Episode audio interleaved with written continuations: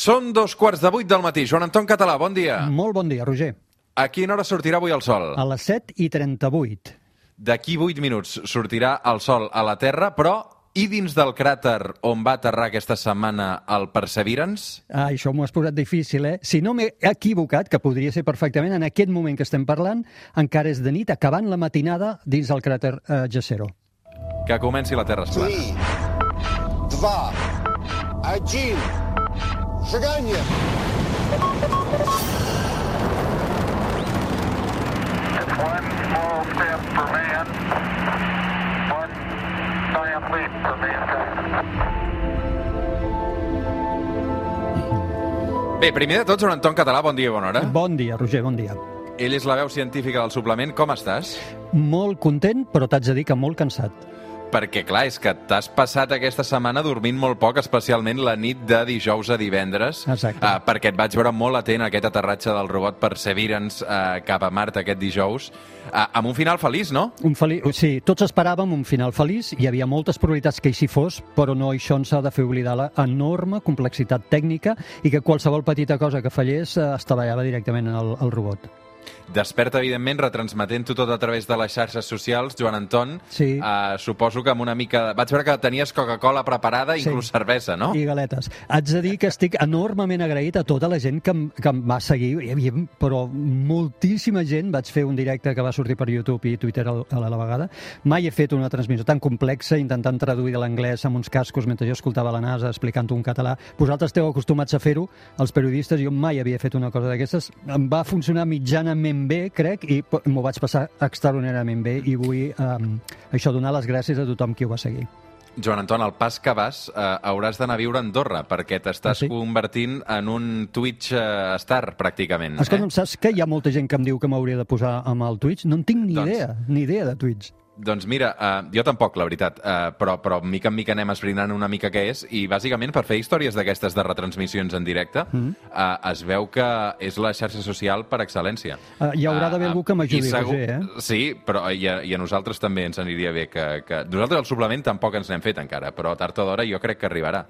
Però segurament també ens servirà tant a tu com a mi per captar públic una mica més jove. Sí. Um, perquè tu, um, quan hi ha tanta gent i tanta expectació al voltant de d'una transmissió com la que fas, què detectes del teu públic? Hi ha de totes les edats? Sí, hi ha de totes les edats i um, una mica de tots els perfils. Uh, T'haig de dir que hi ha també molta gent que, perquè ho diu després, que no ve del món de la tecnologia o de la ciència i que en canvi els fascina tot això del, de l'espai o de l'astronomia i que t'agraeixen doncs, això que facis un esforç per posar a l'abast de coneixement tots, eh, tots aquests temes que són tan, tan xulos. Hi ha, hi ha de tot, Roger.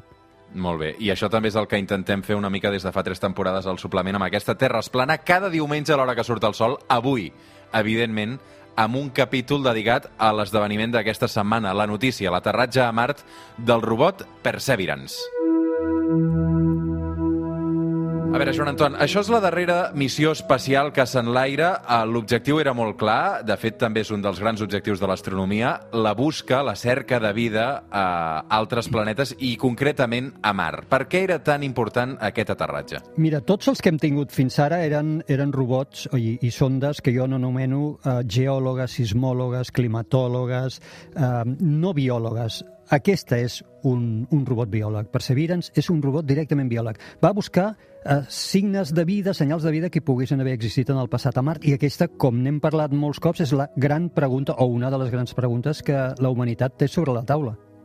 Uh -huh. uh, com s'està buscant aquesta vida actualment? Clar, hi ha dues formes. Una en vam parlar fa uns capítols, que és, es fa des d'aquí, es fa en remot, diríem, eh, amb local per nosaltres, que és buscar eh, senyals de vida intel·ligent, civilitzacions. I això són els grans radiotelescopis, que en vam parlar, i altres mecanismes en què intentem buscar eh, doncs això, senyals o, o evidències de que per allà fora hi ha hagut en algun moment alguna civilització.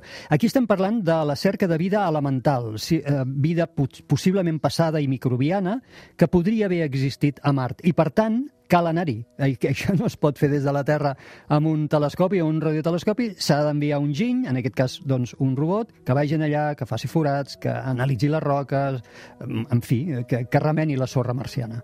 Mm -hmm. uh, per què apostem sempre per Mart i, i no per altres planetes? Perquè sembla ara que els esforços estan molt ficats amb, amb aquest planeta, no? I potser uh, d'altres doncs, els hem descartat directament. Sí, el sistema solar, de fet, és un lloc molt, molt, molt exigent. És molt exigent per la vida. No ho posa fàcil, el sistema solar. I, de fet, uh, només la Terra coneixem de moment que tingui aquesta vida, i això sí que és un paradís. Uh, però, si mirem al nostre voltant, Venus és l'infern del sistema solar, en temperatures les més altes del sistema solar, prop de 500 graus de temperatura en una atmosfera que ens esclafaria molt més densa que la Terra, on plou àcid sulfúric, no seria el lloc on en principi aniríem a buscar vida. Mercuri tampoc hi aniríem a buscar. I després, més enllà de Mart, són mons gelats. Sí que és cert que hi ha satèl·lits gelats de Júpiter i de Saturn que avui sabem que tenen aigua líquida en so sota superfície que, per tant, anirem a buscar. I ja hi ha missions de la NASA amb pressupost i nom assignats per anar a Europa, que és un satèl·lit de Júpiter, o a Tità, que és un satèl·lit de Saturn. Però, per descartant tot això, què ens queda? Ens queda Mart. I la gran sort que tenim és que aquest món el tenim només a set mesos de viatge quan estem a prop, quan Terra i Mart se situen a prop. És a dir, aquí al costat de casa tenim un lloc on podem anar a remenar amb la tecnologia que tenim actualment i segurament és l'únic lloc del sistema solar que així d'una forma relativament fàcil, entre cometes això de relativament fàcil, podríem trobar aquesta evidència. Eh, de fet, eh, he sentit alguns científics aquesta setmana eh, dient que eh, tard, més tard que d'hora, podria ser una alternativa no? a la Terra, un planeta B, que hi hauria també una civilització humana eh, i deixaríem de ser estrictament terrestres. Mira, eh, això està molt bé, però t'haig de dir una cosa. No hi ha alternativa a la Terra. És dir, no existeix el planeta B. No existeix, ens ho hem de posar al cap. Si algú està mirant Mart com a lloc on escapar, ens equivoquem. No hauríem d'estar mirant on escapar, hauríem d'estar mirant com recuperar o, o, com, o, si més no, com preservar el que tenim aquí. Això la primera cosa. La segona, sí, evidentment habitarem Mart té molt d'interès des de tots els punts de vista, científic, exploratori, tecnològic, anar a Mart i veurem ciutats i veurem bases. Jo ja no sé si veuré les ciutats, però els més joves sí que ho veureu, això. Uh, però torno a dir, és que ningú pensi, que ningú es fixi com a objectiu que Mart és el bot salvavides. No, no n'hi ha de bot salvavides. És aquest el bot salvavides. I fa fred, eh, a Mart? Perquè sí. crec que les temperatures de nit, eh, si més no, hauríem de portar una rebaqueta. Menys 40, menys 50 graus. Una mica com el Manel Elias a Sibèria. Sí, sí. De fet, algunes temperatures del Manel Elias les té més, més baixes en allà que a Mart, perquè a prop de l'equador, que són fem aterrar els robots, tant el Curiosity com el Perseverance són prop de l'equador marcià, quan és de dia eh, poden superar eh, els 0 graus, és dir, que estan, poden arribar en alguns dies marcians estar a temperatures positives, doncs pocs graus positius. Sí, és veritat que a la nit això els hi baixa a 40, 50, 60 sota zero. Les condicions a Mart, clar, són, són complicades i per això quan l'home hi vagi haurà d'anar molt ben protegit. Què hi tenim ara mateix a Mart? Un batalló. Mira, amb tota l'arribada de les sondes d'aquest mes, que ha estat una passada, i tenim en aquest moment 8 satèl·lits, 3 de la NASA, 2 de l'Agència Espacial Europea, un indi, un dels Emirats Àrabs i un xinès. En superfície tenim ara dos robots, el Perseverance, aquest que acaba d'arribar, i el Curiosity, que ja fa 8, vora 9 anys que hi és. I a, més, una sonda que no és un robot perquè no es mou, que és la InSight de la NASA. Fixa't tu quina aposta hem fet. Mm-hmm. Quins són els primers referents de naus que, que han anat a Mart a, a buscar vida? Ho dic perquè el que ha passat aquesta setmana amb el Perseverance no és una novetat del tot, no? Perquè ho hem intentat altres vegades, també. Sí, bàsicament aquí la referència bàsica són les famoses Viking, les Viking, les Viking americanes, que hi van arribar a l'any 76. Aquestes són les referències. Eren dues naus bessones que portaven experiments biològics. Era la primera vegada que anàvem a fer experiments biològics en allà. També crec que era la primera vegada que la NASA hi aterrava. I allà ens vam dur una enorme enorme plantofada d'humilitat. Vam descobrir que no en tenim ni idea de buscar vida fora de la Terra perquè d'aquests quatre experiments un va donar positiu a les dues sondes, els altres tres negatiu, i vam aprendre la lliçó i vam dir no podem tornar a buscar vida així jugant la, en una nau que ben bé no sabem què anem a buscar. I des d'aleshores, des de final dels anys 70, tot el que hem enviat són això que abans et deia, són geòlegs, meteoròlegs, climatòlegs, sismòlegs, i ara sí, ara ja ens atrevim a enviar el Perseverance, que aquest ja és biòleg. Una cosa és uh, enviar-hi coses, artefactes, si m'ho deixes dir així, però l'altra és fer-los aterrar, no? És una mica diferent. El primer robot que hi va aterrar, quin va ser? Va ser la, la Pathfinder. Entenem sempre per robot una nau que, que pot uh, moure's, diríem. La Pathfinder portava el Sojourner. El Sojourner era el petit robot que portava la Pathfinder, això va ser l'any 1997 i ho hem explicat alguna vegada, va aterrar rebotant sobre coixins. Era una nau no tan pesada com, com el Perseverance. També teníem uns marges de, de lloc d'aterratge més o menys amplis, eh? bueno, més o menys que aterri per aquí. I ho va fer rebotant sobre uns coixins, va funcionar tan bé que això ho van utilitzar els següents robots, eh, que es deien Opportunity i, i Spirit. El Sojourner, que és aquest primer robot marcià, pesava només 12 quilos, tenia la mida d'un microones, sis rodes, amb panell solar, i es va estar movent per allà Mart eh, 85 dies. Per què costa tant aterrar a Mart? Clar, en diuen els 7 minuts del terror, la NASA, aquesta operació d'entrada. Eh, 7 en diuen- minuts del terror que nosaltres veiem amb 11 minuts de- d'endarreriment, no? Perquè, Sí. clar, està tan lluny que la imatge ens arriba tard. Sí, ahir, eh, quan el dijous vam veure que aplaudia tothom i deia "Mm, ja som a Mart, doncs això ja feia 11 minuts que havia passat, perquè el senyal ens trigava això, 11 minuts en arribar. Doncs costa molt aterrar Mart perquè Mart combina el pitjor de tots els mons. Per exemple, té atmosfera, si la tingués molt densa, com la de la Terra estaria bé, perquè els paracaigudes aquí ens funcionen molt bé, però la té molt fineta i no és suficient un paracaigudes. Si no en tingués d'atmosfera, no es produiria fricció a l'entrada, però té atmosfera tot i que fina. Per tant, tenim fricció de temperatura on les temperatures arriben a 1.300, vora 1.400 graus en el moment de l'entrada a l'atmosfera. Tenim que un paracaigudes no és suficient, però el necessitem. Tenim que, com que no és suficient, hi ha d'haver una etapa de caiguda lliure, pràcticament lliure, amb uns coets retropropulsors que van aturant i la frenen a pocs metres de la superfície. I finalment tenim la última part de la maniobra, que és dipositar eh, molt poquet a poquet el robot, el robot sobre, sobre la superfície marciana. Tot això són 7 minuts on passem de 20.000 km per hora al començament dels 7 minuts a zero eh, quan el, el robot toca a terra. Mhm. Sabem actualment ja que hi ha gel d'aigua a mar, no? Uh, recordem com el vam trobar perquè d'això no en fa tant temps, no? No, 2008. Mira, va ser la sonda Fènix de la, de la NASA. Ja sabíem eh, que hi havia aigua gelada a mar perquè eh, primer els telescopis ja ho veuen, ho veuen glaçat al pol nord i al pol sud. També els satèl·lits que tenim havien detectat l'aigua glaçada sota terra, però s'hi havia d'anar i remenar. I aquest anar i remenar ho va fer la Fènix a l'any 2008, com et deia, la van fer aterrar a la NASA a prop del pol nord i en allà va enviar les primeres fotografies. Tenia un braç articulat, va remenar terra, va gratar terra i allà sota terra hi havia el senyal del gel i després li van dir des de la Terra i ara fes una selfie de les potetes, es va fer una selfie de les seves potes i allà van aparèixer gotes d'aigua que s'havien eh, evaporat de la superfície amb l'escalfor de la sonda i s'havien adherit temporalment en aquestes potes. Som al suplement, som a Catalunya Ràdio, avui amb el Joan Anton Català, viatjant a Mart. A veure, Joan Anton, el Perseverance exactament quina missió té? Què hi farà? Quant temps s'hi estarà allà? Què ens enviarà? I quan passarà millor vida?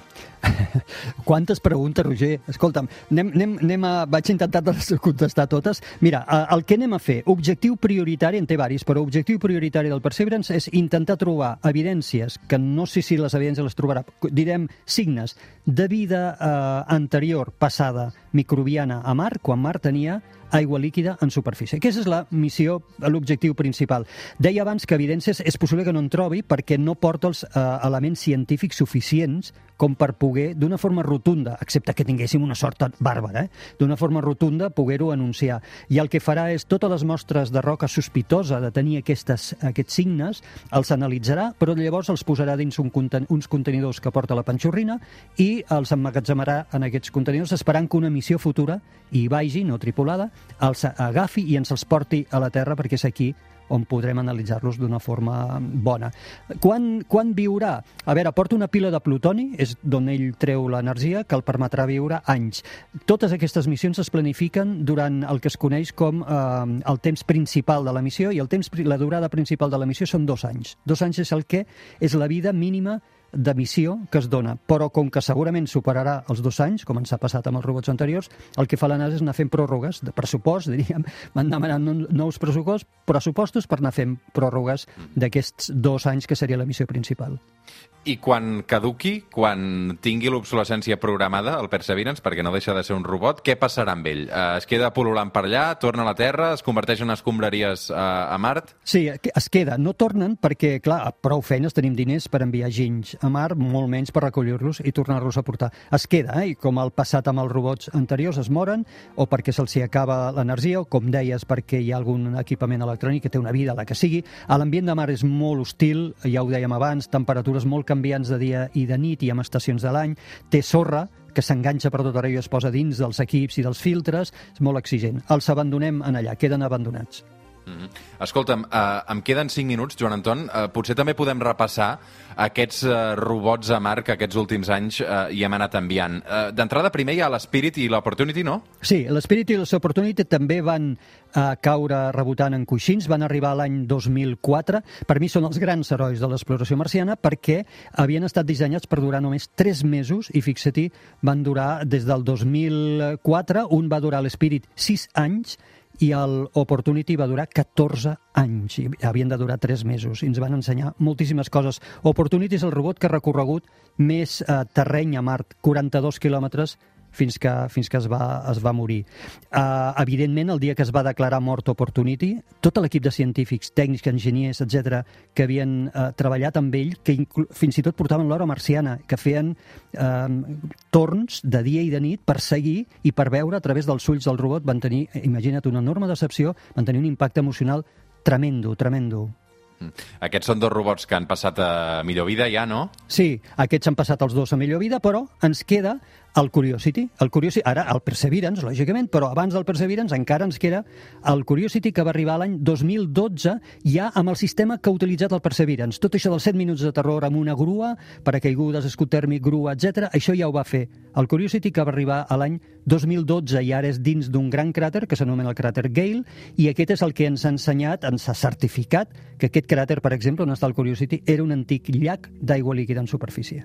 Molt bé, per tant, eh, ara hi tenim dos robots allà. Ara hi tenim dos robots, el Curiosity ja s'han fet grandet, porta 8 anys vora 9, ja té signes de cansament, té una roda que no li acaba de funcionar gaire bé, perquè té molt de desgast, ha tingut Alzheimer, jo li dic així per explicar-ho a la gent, ha perdut sí. la memòria tres cops, afortunadament porta dos cervells i hem pogut canviar els bancs de memòria, hem pogut des de això la Terra... Com, això és com quan el mòbil ens comença a anar lent i s'ha d'actualitzar, no? Sí, més o menys, clar, és que és el que dèiem, eh? són 8 anys, però no en aquí, perquè, clar, aquí un giny d'aquests tecnològics t'aguantaria. Allà, canvis de temperatura. Pensa que els robots els fem dormir de nit, això li agrada molt a la gent saber és molt curiós. Exploren de dia, dormen de nit, perquè les temperatures baixen tant que el que volem és preservar les bateries, que es puguin recarregar amb la pila de plutoni, que també porta el Curiosity. Perquè o sigui, de nit s'apaguen, fan com un reset. Bueno, queden, queden hibernats, hi ha algun equip que segueix funcionant, per exemple, els equips de Meteo segueixen funcionant, però ell redueix absolutament eh, tota la seva activitat, no es mou, queda absolutament immòbil, i tots els equips que consumeixen energia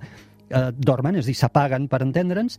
Aquell és el moment, la nit en què la NASA, els enginyers de la NASA, aprofiten per enviar-li la planificació del dia següent, de forma que quan es desperti et trobi la ruta que ha de seguir, els experiments que ha de fer, on ha de moure els braços articulats, en fi, tot el pla del dia li carreguen de nit. Mm -hmm.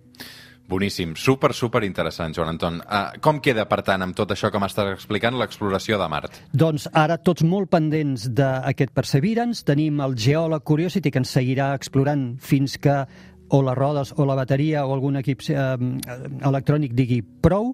Tenim la InSight, segueix viva, la InSight és, no és un robot, és una sonda que està explorant a l'interior del planeta, és una sismòloga, per entendre'ns, eh, li ha fallat el mecanisme de perforació, no podrà perforar, però està estudiant a l'interior del planeta. Els vuit satèl·lits que et deia que no paren d'analitzar l'atmosfera, el clima, eh, estan cartografiant en una precisió increïble a Mart, i ara la gran aposta aquesta del Perseverance, que haurem d'esperar a veure què troba. Molt interessant avui aquest capítol del Joan Anton Català dedicat, sens dubte, a la notícia de la setmana. Mart és un món fascinant, un món ple d'interrogants i en parlem molt sovint i més que en parlarem també cada diumenge a l'hora que surt el sol de matinada si ens esteu escoltant des de Mart. Eh, Joan Anton? Exacte, exacte. Per cert, sempre acabem aquest espai preguntant-nos eh, quin temps hi farà al cel, què hi passarà al cel aquesta setmana, què s'hi podrà veure, però és que hem rebut un missatge, atenció, de la Núria Ferres, una oient que ens escolta cada cap de setmana fidel amb la seva parella des d'Auckland, a Nova Zelanda. I ens diu, uh, bon dia, Joan Antoni Roger Escapa. La meva parella i jo us escoltem sempre quan marxem amb la furgoneta per Nova Zelanda. Per sort, no tenim Covid i aquí és estiu. Ens encanta escoltar-vos, però malauradament no sabem què hi passa al cel de l'hemisferi sud, ja que sempre parleu de l'hemisferi nord. A veure si teniu uns segons per posar-nos al dia, o a la nit, durant el programa, i parleu del que es pot veure aquí al sud. Moltes felicitats per aquest programa, una abraçada ben forta. Per tant, Joan Anton, avui dedicat a la Núria Ferres i al, i al seu marit o la seva parella. Um, què hi passarà a l'hemisferi sud? Doncs mira, a l'hemisferi sud hi teniu un gran triangle lluminós amb tres estrelles que brillen en una passada, que són Sirius, Rigel i Canopus. Els teniu a primera hora de la nit a sobre del cap, ben amunt, i de matinada, abans que surti el sol, veureu, si mireu a l'est, veureu sortir una enorme i magnífica Via Làctea, si la nit és clara i, i fosca, veureu, mirant a l'est, abans que surti el sol, la Via Làctea brutal aixecant-se des de l'est. Fantàstic. Doncs va per tu, Núria Ferres, però a casa nostra què hi passarà, Joan Anton? A casa nostra tenim la lluna creixent, que justament aquesta nit s'aproparà a, a l'ataronjat Mart. Per tant, tothom que vulgui mirar el cel veurà Mart ataronjadet al costat de la Lluna i quan mirem Mart recordem tot això que acabem d'explicar i recordem que en, en allà ara hi viu un nou robot. Fantàstic, Joan Anton, una abraçada, cuida't molt. Gràcies igualment, Roger. Fem una pausa i ara tornem.